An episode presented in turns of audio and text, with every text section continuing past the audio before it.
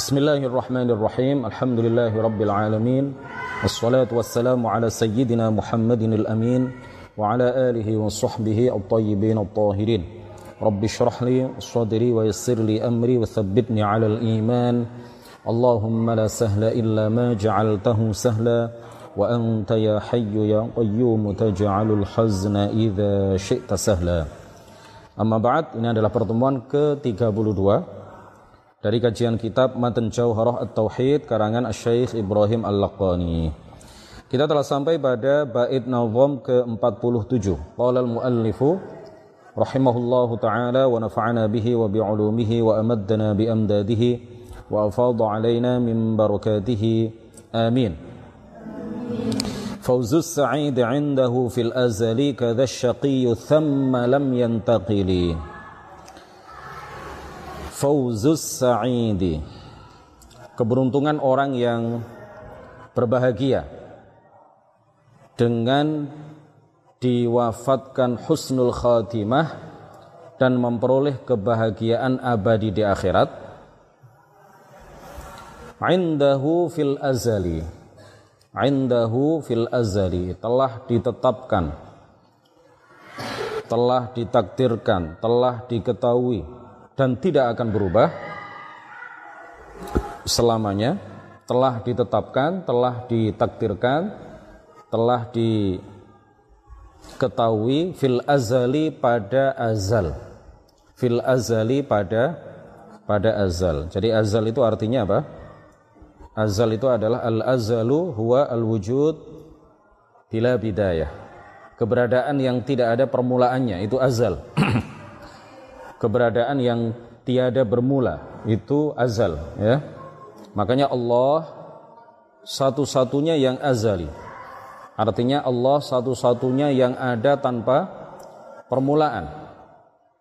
Selain Allah, seluruhnya memiliki permulaan termasuk zaman termasuk tempat dan segala sesuatu selain Allah Subhanahu wa taala. Makanya tidak tepat kalau dikatakan zaman azali karena zaman itu memiliki permulaan sedangkan azali itu untuk menyebut sesuatu yang tidak bermula. Jadi kontradiktif kalau disebut zaman azali. Ya azal gitu aja kita sebut apa? Azal gitu saja. Fauzus sa'idi keberuntungan orang yang berbahagia dengan mendapatkan anugerah husnul khatimah dan meraih kebahagiaan abadi di akhirat indahu telah ditetapkan oleh Allah telah ditakdirkan oleh Allah telah diketahui oleh Allah telah diadakan oleh Allah dengan kekuasaannya yang azaliyah fil azali pada azal. Kadza syaqiyyu, kadza syaqiyyu. Begitu juga orang yang celaka. Celaka di sini maksudnya adalah orang yang mati dalam keadaan su'ul khatimah, mati dalam keadaan kafir. Sama, sama telah ditetapkan pada azal. Bukan summa ya. Kalau summa artinya kemudian. Sama artinya di sana. Yang dimaksud di sana ini adalah apa? Ay fil azali. Kadzasyaqiyu begitu juga orang yang celaka dengan mati dalam keadaan su'ul khatimah, mati dalam keadaan kafir, sama juga telah ditetapkan, ditakdirkan, diadakan oleh Allah Subhanahu wa taala dengan kekuasaannya yang azali fil azal pada azal. Lam yantaqili tidak akan berubah selamanya. Lam yantaqili tidak akan berubah selamanya. Artinya orang yang sudah ditakdirkan akan mati dalam keadaan husnul khatimah maka apa yang telah dikehendaki oleh Allah pada azal seperti itu pasti akan terjadi. Begitu juga kalau ada seseorang yang dikehendaki, ditakdirkan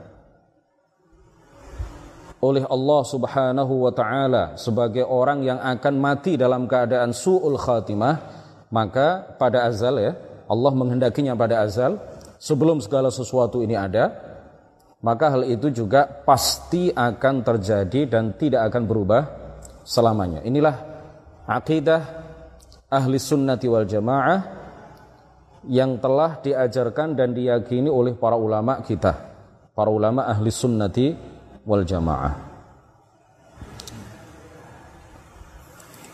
Karena apa yang uh, sudah diketahui oleh Allah pada azal akan terjadi seperti ini, ya, pasti akan terjadi. Kalau Allah mengetahui pada azal, ya karena Allah itu maha mengetahui. Pengetahuan Allah tidak bermula, pengetahuan Allah tidak berakhir. Kalau sesuatu itu sudah diketahui oleh Allah pada azal, akan seperti ini, maka dia tidak mungkin berubah. Kalau berubah berarti Allah tidak maha mengetahui. Berarti kalau seandainya berubah, apa yang sudah diketahui oleh Allah pada azal, seseorang yang sudah diketahui, sudah ditakdirkan, ditentukan, dikehendaki dan diketahui oleh Allah akan mati dalam keadaan husnul khatimah, ternyata dia mati dalam keadaan su'ul khatimah, itu artinya Allah tidak maha mengetahui. Itu artinya Allah tidak maha mengetahui padahal pada bagian-bagian sebelumnya dan juga pada bagian-bagian setelahnya, setelah ini ada beberapa keterangan juga yang menyatakan bahwa Allah Maha mengetahui.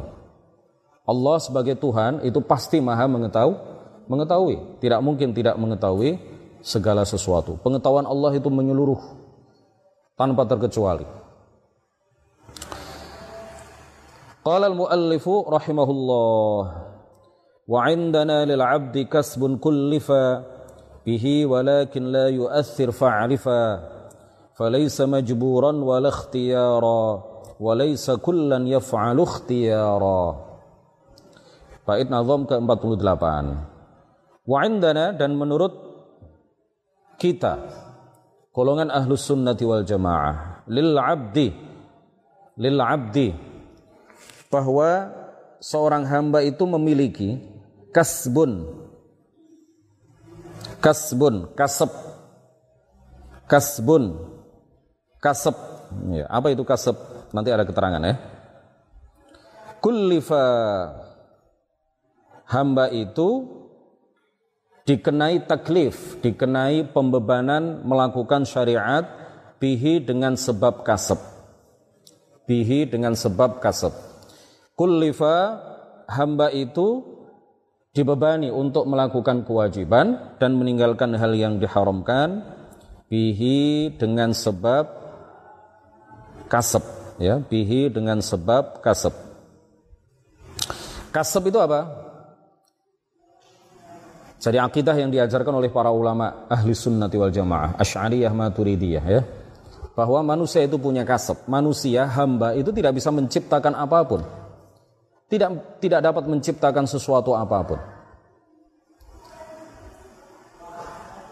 Karena menciptakan sesuatu artinya mengadakan sesuatu dari dari tiada menjadi ada itu hanya sifat yang dimiliki oleh Allah Subhanahu wa taala. Manusia sama sekali tidak memiliki sifat menciptakan. Manusia sama sekali hamba siapa pun dia makhluk ya tidak dapat menciptakan apa pun. Tidak tidak dapat mengadakan sesuatu dari dari tiada menjadi ada.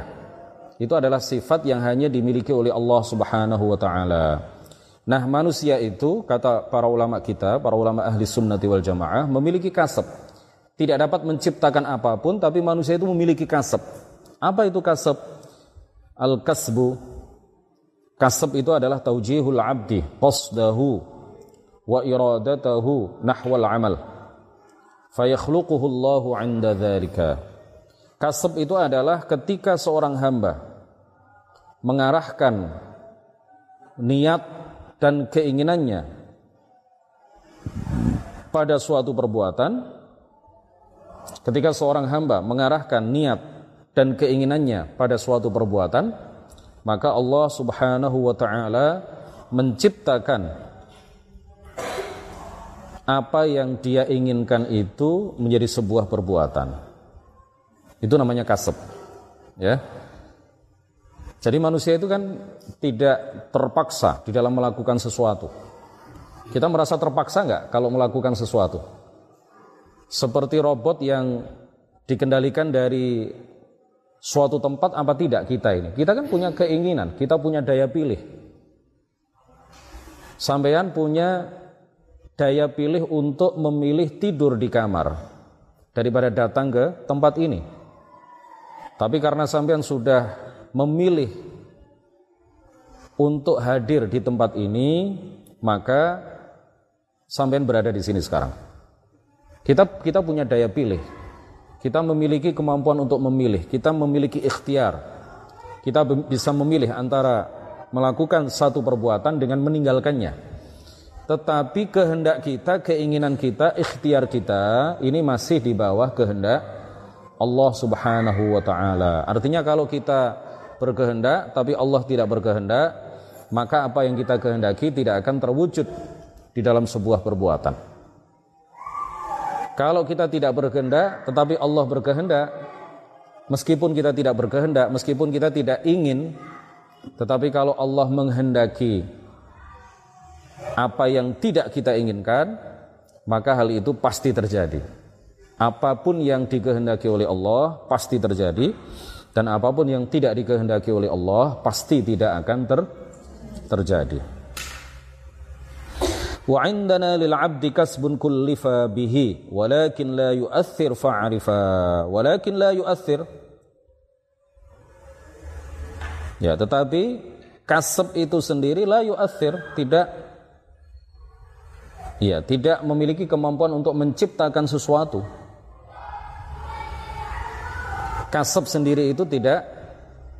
Dengannya hamba itu tidak dapat menciptakan apa pun ya la yu'athir. Tidak memiliki kemampuan untuk menciptakan sesuatu dari tiada menjadi ada. Inilah akidah yang diajarkan oleh para ulama ahli sunnati wal jamaah. Dan ini yang masuk akal. Kalau manusia dapat menciptakan sesuatu itu artinya manusia menciptakan lebih banyak daripada yang Allah ciptakan Sebagian kalangan, sebagian aliran mengatakan Allah hanya menciptakan jasad kita. Sedangkan kita sendirilah yang menciptakan perbuatan-perbuatan kita. Itu artinya kita menciptakan sesuatu lebih banyak daripada apa yang Allah ciptakan.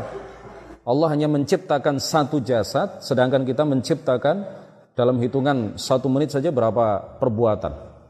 Kedipan mata, gerakan tangan, langkah kaki, ya, pergeseran jasad kita dari satu tempat ke tempat yang lain, keluar masuknya nafas kita, kemudian hal-hal lain yang kita kerjakan dalam hitungan satu menit saja, sudah berapa perbuatan. Kalau seandainya perbuatan itu yang menciptakannya adalah kita, maka itu artinya kita menciptakan sesuatu lebih banyak daripada apa yang Allah ciptakan. Allah hanya menciptakan satu jasad, satu jasad kita, jasad ini. Sedangkan perbuatan-perbuatan kita adalah kita yang menciptakan. Nah ini tidak masuk akal. Itu artinya uh, akan ada pencipta-pencipta lain selain Allah Subhanahu wa taala. Padahal para ulama sepakat la khaliqa illallah, tidak ada yang maha menciptakan dari tiada menjadi ada kecuali hanya Allah Subhanahu wa taala. Fa'rifa maka ketahuilah Wahai orang yang membaca tulisanku ini, kata pengarang kitab, fa'arifa, maka ketahuilah, ketahuilah wahai orang yang aku ajak bicara, atau ketahuilah wahai orang yang membaca tulisan ini. Falaisa majburan, falaisa majburan, maka seorang hamba itu tidaklah dipaksa di dalam melakukan sesuatu. Hamba itu bukanlah tidak memiliki irodah sama sekali seperti yang diyakini oleh Jabriyah. Ya kalau biasanya disebut Jabariyah saya menyebutnya Jabriyah karena berasal dari kata Jabr ya. Karena berasal dari kata Jabr. Walakhtiyara dan tidak memiliki ikhtiar, tidak memiliki keinginan sama sekali, tidak memiliki kehendak, tidak memiliki daya pilih, tidak memiliki kemampuan kemampuan untuk memilih apakah melakukan satu perbuatan ataukah meninggalkannya, apakah memilih perbuatan A ataukah memilih perbuatan B. Nah ini keyakinan Jabriyah. Falaisa majburan wal ikhtiyara. Falaisa majburan wal ikhtiyara. Pengarang kitab ini ingin membantah apa yang diyakini dan disebarkan oleh kelompok yang bernama apa? Jabriyah. Jabriyah mengatakan apa? Seorang hamba itu seperti kapas atau seperti bulu fi mahabbir rih karrisha fi mahabbir rih seperti bulu yang ditiup angin ke sana kemari seperti kapas yang ditiup angin ke sana kemari. Tidak punya kehendak sama sekali, tidak punya daya pilih sama sekali, tidak punya keinginan sama sekali, tidak punya usaha sama sekali, tidak punya ikhtiar sama sekali. Nah ini wajib diyakini sebaliknya. Ya, kita wajib meyakini bahwa perbuatan-perbuatan yang dilakukan oleh manusia itu terjadi dengan dengan uh, kehendaknya tetapi kehendaknya masih di bawah kehendak Allah Subhanahu wa taala. Jadi perbuatan manusia seperti yang pernah saya sampaikan oleh para ulama ahli sunnah dibagi menjadi dua, ada yang ikhtiariyah, ada yang ittirariyah. Yang ikhtiariyah itu artinya yang ada unsur ikhtiar di dalamnya. Seperti menggerakkan tangan, ya, mengedipkan mata, ini yang menciptakan adalah Allah Subhanahu wa taala. Kita hanya mengarahkan niat kita dan keinginan kita untuk melakukan itu yang menciptakannya tiada lain adalah Allah Subhanahu wa taala. Ada pula perbuatan kita itu yang ittirariyah. Artinya perbuatan yang tidak ada unsur ikhtiar di dalamnya. Ini juga yang menciptakannya adalah Allah Subhanahu wa taala. Contohnya seperti apa? Perbuatan manusia, perbuatan seorang hamba yang tidak ada unsur ikhtiar di dalamnya. Contohnya seperti apa? Menggigil ketika kedinginan. Ya, otomatis itu kan. Menggigil ketika kedinginan. Atau badan kita bergerak ketika kita kaget. Ketika kaget kemudian badan kita bergerak. Kemudian juga seperti detak jantung. Ini kita mau atau tidak mau selama kita hidup pasti jantung kita berdetak.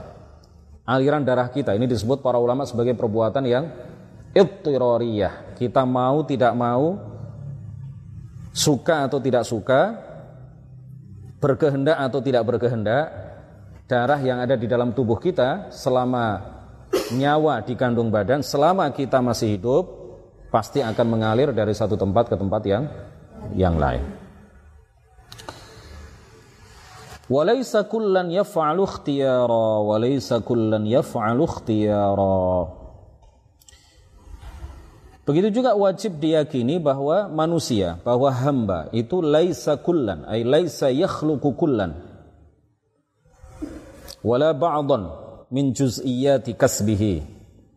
Seorang hamba itu tidak dapat menciptakan keseluruhan dari apa yang dia lakukan dan juga tidak dapat menciptakan sebagian dari apa yang dia lakukan.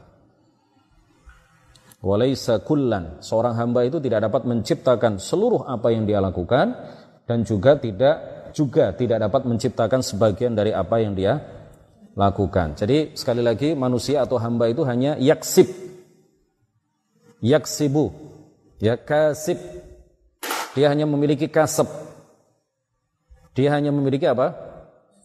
Kasep. Sama sekali tidak memiliki kemampuan kemampuan untuk menciptakan sesuatu apa pun. Para ulama memberikan sebuah contoh, sebuah ilustrasi. Seandainya kita memiliki kemampuan untuk menciptakan sesuatu, niscaya kita mengetahui setiap apa yang kita lakukan. Karena kita yang menciptakan. Tapi faktanya kita tidak mengetahui setiap apa yang kita lakukan. Itu artinya kita bukan yang menciptakan perbuatan kita. Coba dalam hitungan satu menit, satu menit belakangan, sampean sudah mengedipkan mata berapa kali? Bisa dihitung? Eh? Dalam hitungan satu menit ke belakang, sampean sudah menggerakkan tangan berapa kali? Sampean sudah jawil teman sampean berapa kali tadi? Bisa dihitung. Sampean sudah senyum berapa berapa senyum kalian ketika menggerakkan e, bibir ini berapa mili? Berapa senti ke arah kanan, berapa senti ke arah kiri. Eh? Nah kan ada yang nyengir gitu kan. Senyumnya itu ininya bergerak sekian mili ke arah kanan. Sementara ini tidak bergerak. Itu namanya nyengir. Nah, kalau tertawa lepas itu kan giginya kelihatan, unjuk gigi.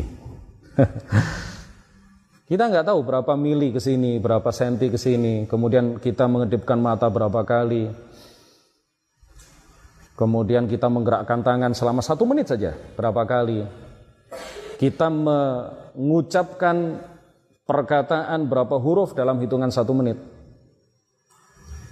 Pencipta sesuatu pastilah mengetahui apa yang dia ciptakan. Kan begitu logikanya. Nah artinya kita tidak faktanya kita tidak mengetahui setiap apa yang kita lakukan. Itu artinya kita tidak memang tidak memiliki kemampuan untuk menciptakan. Kita hanya melakukan sesuatu yang niat kita kita arahkan untuk melakukan perbuatan itu dan yang menciptakan perbuatan itu terwujud ataukah tidak adalah Allah Subhanahu wa taala. Seandainya kita ini dapat menciptakan sesuatu, nggak ada orang yang gagal. Pencipta, dia bisa menciptakan kesuksesan, nggak ada orang yang gagal. Ya, buktinya apa? Tidak setiap yang kita inginkan terwujud sesuai dengan apa yang kita inginkan. Itu artinya memang kita tidak dapat menciptakan apa pun. Pencipta segala sesuatu yang menghendaki terjadinya segala sesuatu itu bukan kita, tapi Allah Subhanahu wa taala. Yaf'alu ikhtiyara wa laysa kullan yaf'alu ikhtiyara. Jadi seorang hamba itu tidaklah menciptakan tidaklah menciptakan apa? ikhtiar ikhtiarnya. Tidaklah tidaklah menciptakan ikhtiarnya. Wa innama huwa kasibun ma yaf'aluhu mukhtara. Wa innama huwa kasibun ma yaf'aluhu mukhtara. Melainkan dia hanya memiliki kasab Melainkan dia hanya mengarahkan niat dan keinginannya terhadap satu perbuatan yang ingin dia lakukan. Maka ketika itulah Allah menciptakan apa yang dia inginkan. Ya. Secara sederhana manusia itu punya kehendak tetapi kehendaknya masih di bawah kehendak Allah Subhanahu wa taala. Fa in yuthibna fa bi mahdil fadli wa in yu'adzib fa bi mahdil adli. Fa in.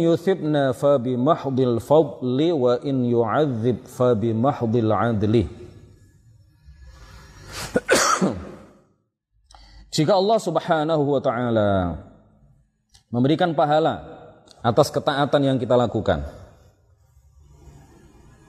maka pemberian pahala yang ia anugerahkan kepada kita atas ketaatan yang kita lakukan kepadanya itu semata-mata adalah bimahdil fadli. Bimahdil fadli semata-mata karena karunia dan anugerahnya. Tidak wajib bagi Allah. Jadi kita melakukan ketaatan tidak wajib bagi Allah untuk memberikan pahala bagi kita kalau Allah memberikan pahala kepada kita atas ketaatan yang kita lakukan kepadanya maka itu semata-mata adalah karena anugerah dan karunia-Nya, bukan kewajiban baginya. Wa in yu'adzib dan jika Allah Subhanahu wa taala mengadab seseorang, menghadap seorang mengadab seorang makhluk, maka azab yang ia timpakan kepada makhluk itu bimahdil adli murni adalah keadilan darinya. Murni adalah keadilan darinya, bukan sebuah kezaliman. Karena kezaliman, sifat zalim itu mustahil bagi Allah Subhanahu wa taala. Allah menegaskan wala yadhlimu rabbuka ahada wala yadhlimu rabbuka ahada dan Tuhanmu tidaklah menzalimi siapa pun. Karena hakikatnya kita dan apa yang kita miliki adalah milik Allah Subhanahu wa taala dan dia melakukan apa pun sesuai dengan apa yang dia kehendaki dan itu bukanlah kezaliman darinya. Innallaha yaf'alu ma yurid. Allah taala menegaskan di dalam Al-Qur'an suratul Hajj ayat 14 Innallaha yaf'alu ma yurid. Sesungguhnya Allah Subhanahu wa taala berbuat sesuai dengan apa yang dia kehendaki. Karena memang dia adalah pemilik segala sesuatu. Dia adalah pemilik kita dan apa yang kita miliki. Maka dia berbuat segala apa yang dia kehendaki terhadap kita, maka itu bukanlah kezaliman darinya. Karena kita dan apa yang kita miliki semuanya adalah milik milik Allah Subhanahu wa taala. Zalim itu kan artinya apa? Melakukan tindakan salah satu definisi zalim, az-zulm yang disampaikan oleh para ulama adalah apa? Melakukan satu tindakan terhadap hak milik orang lain tanpa seizin pemiliknya. Zalim itu.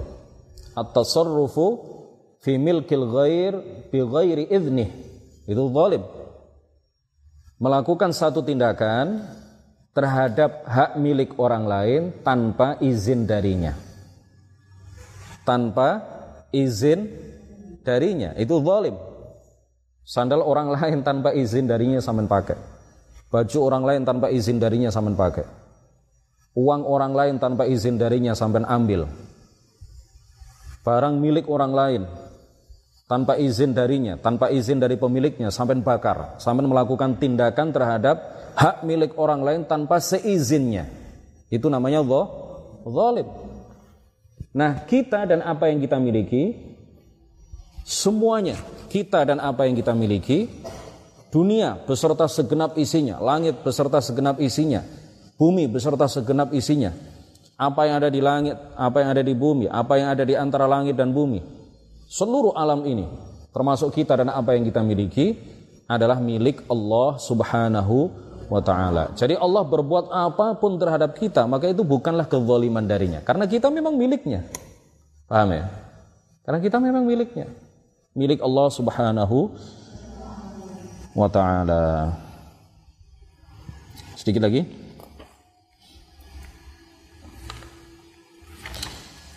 Wa qawluhum inna salaha wajibun alaihi zurun ma alaihi wajibu. Ilamahul atfala wa shibhaha fahadhilil mihala. Wa qawluhum dan perkataan Mu'tazilah perkataan Mu'tazilah Innas salaha sesungguhnya solah ya uh, as-solah di sini maksudnya adalah Allah memberikan yang baik-baik kepada makhluk. Wajibun alaihi kata orang Mu'tazilah aliran sesat di luar ahli sunnati wal jamaah adalah kewajiban bagi Allah. Apa kata pengarang kitab ini? Perkataan seperti itu zurun. Zurun kedustaan. Zurun adalah kebohongan, tidak benar. Ma alaihi wajibu, ma alaihi wajibu. Tidak ada sesuatu yang wajib dilakukan oleh Allah Subhanahu wa taala. Allah tidak wajib melakukan apa pun terhadap makhluknya. Jadi orang Mu'tazilah itu mengatakan apa? Allah wajib melakukan yang terbaik bagi hambanya. Kata orang Mu'tazilah, Allah wajib melakukan yang terbaik bagi bagi hambanya. Ini akidah yang tidak benar. Karena mewajibkan sesuatu bagi Allah Subhanahu wa taala itu artinya menjadikan Allah terpaksa di dalam melakukan sesuatu. Ada sesuatu lain ada pihak lain yang mewajibkan dan memaksa Allah untuk melakukan sesuatu. Tidak masuk akal. Artinya apa yang dikatakan oleh orang-orang Mu'tazilah ya ini akan berimplikasi seperti ini. Jika Allah tidak melakukan sesuatu yang terbaik bagi hambanya, atau memilih yang baik dari yang terbaik, tidak melakukan yang terbaik, tapi hanya melakukan yang baik, itu artinya Allah Subhanahu wa taala patut dicela kata mereka, kata orang Mu'tazilah. Nah, karena Allah adalah zat yang menerima segala pujian, kata orang Mu'tazilah, maka wajib baginya untuk melakukan yang terbaik bagi hamba. Nah, ini ini adalah akidah yang tidak benar ya. Mewajibkan sesuatu bagi Allah Subhanahu wa taala. Ma alaihi wajibu. Jadi tidak ada kewajiban bagi Allah Subhanahu wa taala terhadap makhluknya. Di dalam menciptakan sesuatu atau atau meninggalkan penciptaan sesuatu bagi Allah tidak ada kewajiban baginya ya tidak ada kewajiban baginya karena Allah Subhanahu wa taala adalah zat yang maha berke, berkehendak dia memiliki uh, dia fa'ilun bil ikhtiyar jadi Allah Subhanahu wa taala adalah fa'ilun bil ikhtiyar mukhtar Allah itu maha berkehendak Allah maha apa? Maha berkehendak, maha kuasa, maha berkehendak.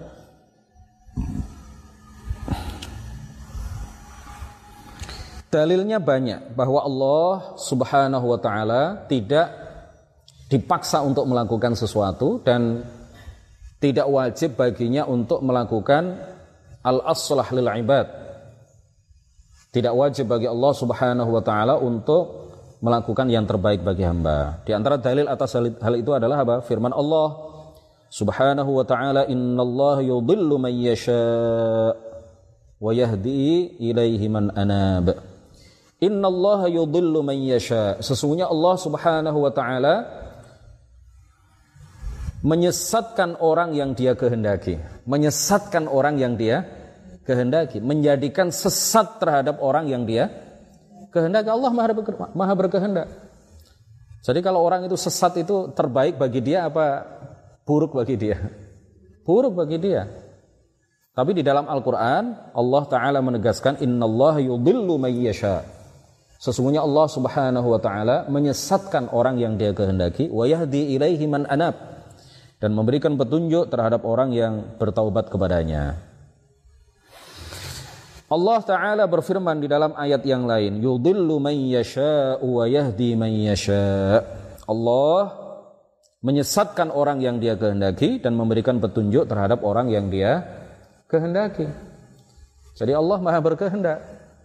Apa yang dia kehendaki, terjadilah. Apa yang tidak dia kehendaki, tidak akan terjadi. Qala al-muallifu rahimahullah bait nazam ke-52 alam yarau ila mahul atfala ini adalah bantahan yang sangat kuat ya dari pengarang kitab ini terhadap orang-orang Mu'tazilah yang berkeyakinan bahwa Allah wajib melakukan sesuatu yang terbaik bagi hambanya. Apa kata pengarang kitab ini? Alam yarau, alam yarau ila mahul atfala.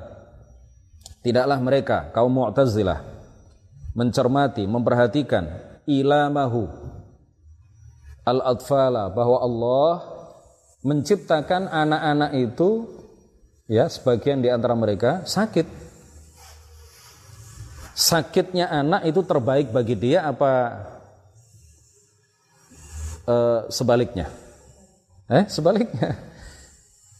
Jadi Allah tidak wajib melakukan atau berbuat yang terbaik bagi hamba.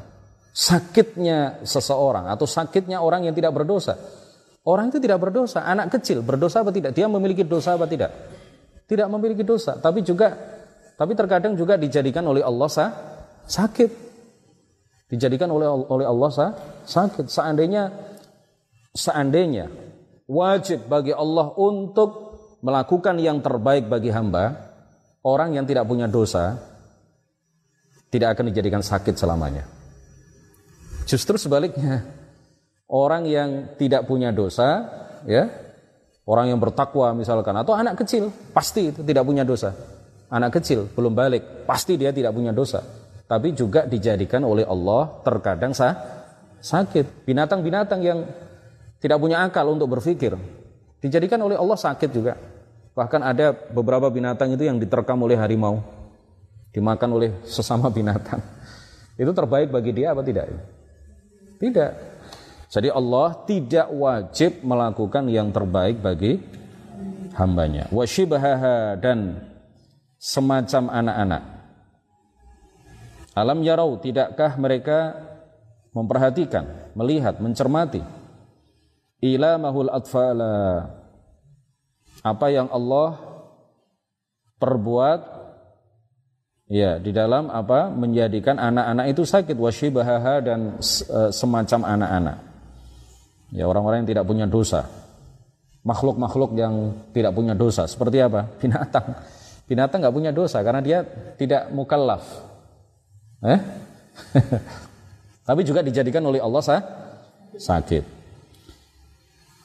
Fahadhiril mihala, fahadhiril mihala, fahadhir maka waspadalah al mihala siksa Allah Subhanahu wa taala yang ditimpakan kepada orang-orang yang meyakini keyakinan-keyakinan yang rusak seperti apa yang diyakini oleh orang-orang Mu'tazilah ketika mereka mengatakan Allah wajib memberikan yang terbaik bagi hamba. Paham ya? Jadi apa yang menimpa, apa yang menimpa kita, apa yang kita alami, ini memang belum tentu yang terbaik. Kadang ada orang yang mengatakan inilah yang terbaik ini. Kalau dibalik apa yang menimpa kita ada hikmahnya, iya. Tetapi apa yang menimpa kita ini belum tentu yang terbaik karena memang Allah tidak wajib memberikan yang terbaik bagi kita. Paham? Kadang-kadang ada orang menikah dengan seseorang ya eh, mengejar-ngejar seseorang ya sampai usia 30 tahun dilamar oleh siapa pun. Nggak mau karena dia sudah serak hatinya dengan si A itu. Tiba-tiba si A memutuskan hubungan dengannya. Lalu menikahlah dia dengan orang lain padahal dia sudah menunggu selama 10 tahun Sejak umur 20, 20 tahun dilamar oleh 50 laki-laki ditolak semuanya. Karena dia sudah kadung cinta dengan A. Ya, si A sudah janji akan menikahinya. Pada usia 30 tahun, si A memutuskan untuk menikah dengan orang lain. Lalu perempuan ini menikah dengan si B. Untuk menghibur hatinya, si perempuan mengatakan, ya sudahlah, si B ini mungkin yang terbaik bagi saya. Mungkin ya, mungkin yang terbaik. Tapi Jangan memastikan inilah yang inilah pasti yang terbaik yang Allah anugerahkan kepada saya. Belum tentu. Tiba-tiba satu bulan kemudian, tiga bulan kemudian karena tidak ada kecocokan, cerai. Berarti bukan yang terbaik. Paham ya? Jadi Allah tidak wajib memberikan sesuatu yang terbaik, yang al-aslah atau as-salah wal aslah bagi kita. Itu keyakinan Mu'tazilah, bukan keyakinan ahli sunnati wal jamaah. Sesuka-suka Allah, Allah maha berkehendak. Karena kita dan apa yang kita miliki semuanya adalah milik Allah Subhanahu wa taala dan Allah berbuat apa pun terhadap apa yang dia miliki itu bukanlah kezaliman baginya. Demikian kajian kita pada malam hari ini pertemuan ke berapa? 32 ya? Eh? 32 masih sampai di bait nazam ke 52. Mudah-mudahan bermanfaat, mudah-mudahan membawa barokah bagi kita semuanya. Subhanakallahumma wa bihamdik asyhadu an la ilaha illa anta astaghfiruka wa atubu ilaik. La ilaha illallah. Allahumma salli ala sayyidina Muhammad wa ala alihi wa sahbihi wa sallim. Rabbi ighfirli wa liwalidayya wa lil mu'minina wal mu'minat. رب فانفعنا ببركتهم واهدنا الحسنى بحرمتهم وأمتنا في طريقتهم ومعافاة من الفتن. والله موفق إلى أقوام الطريق. والسلام عليكم ورحمة الله وبركاته. وعليكم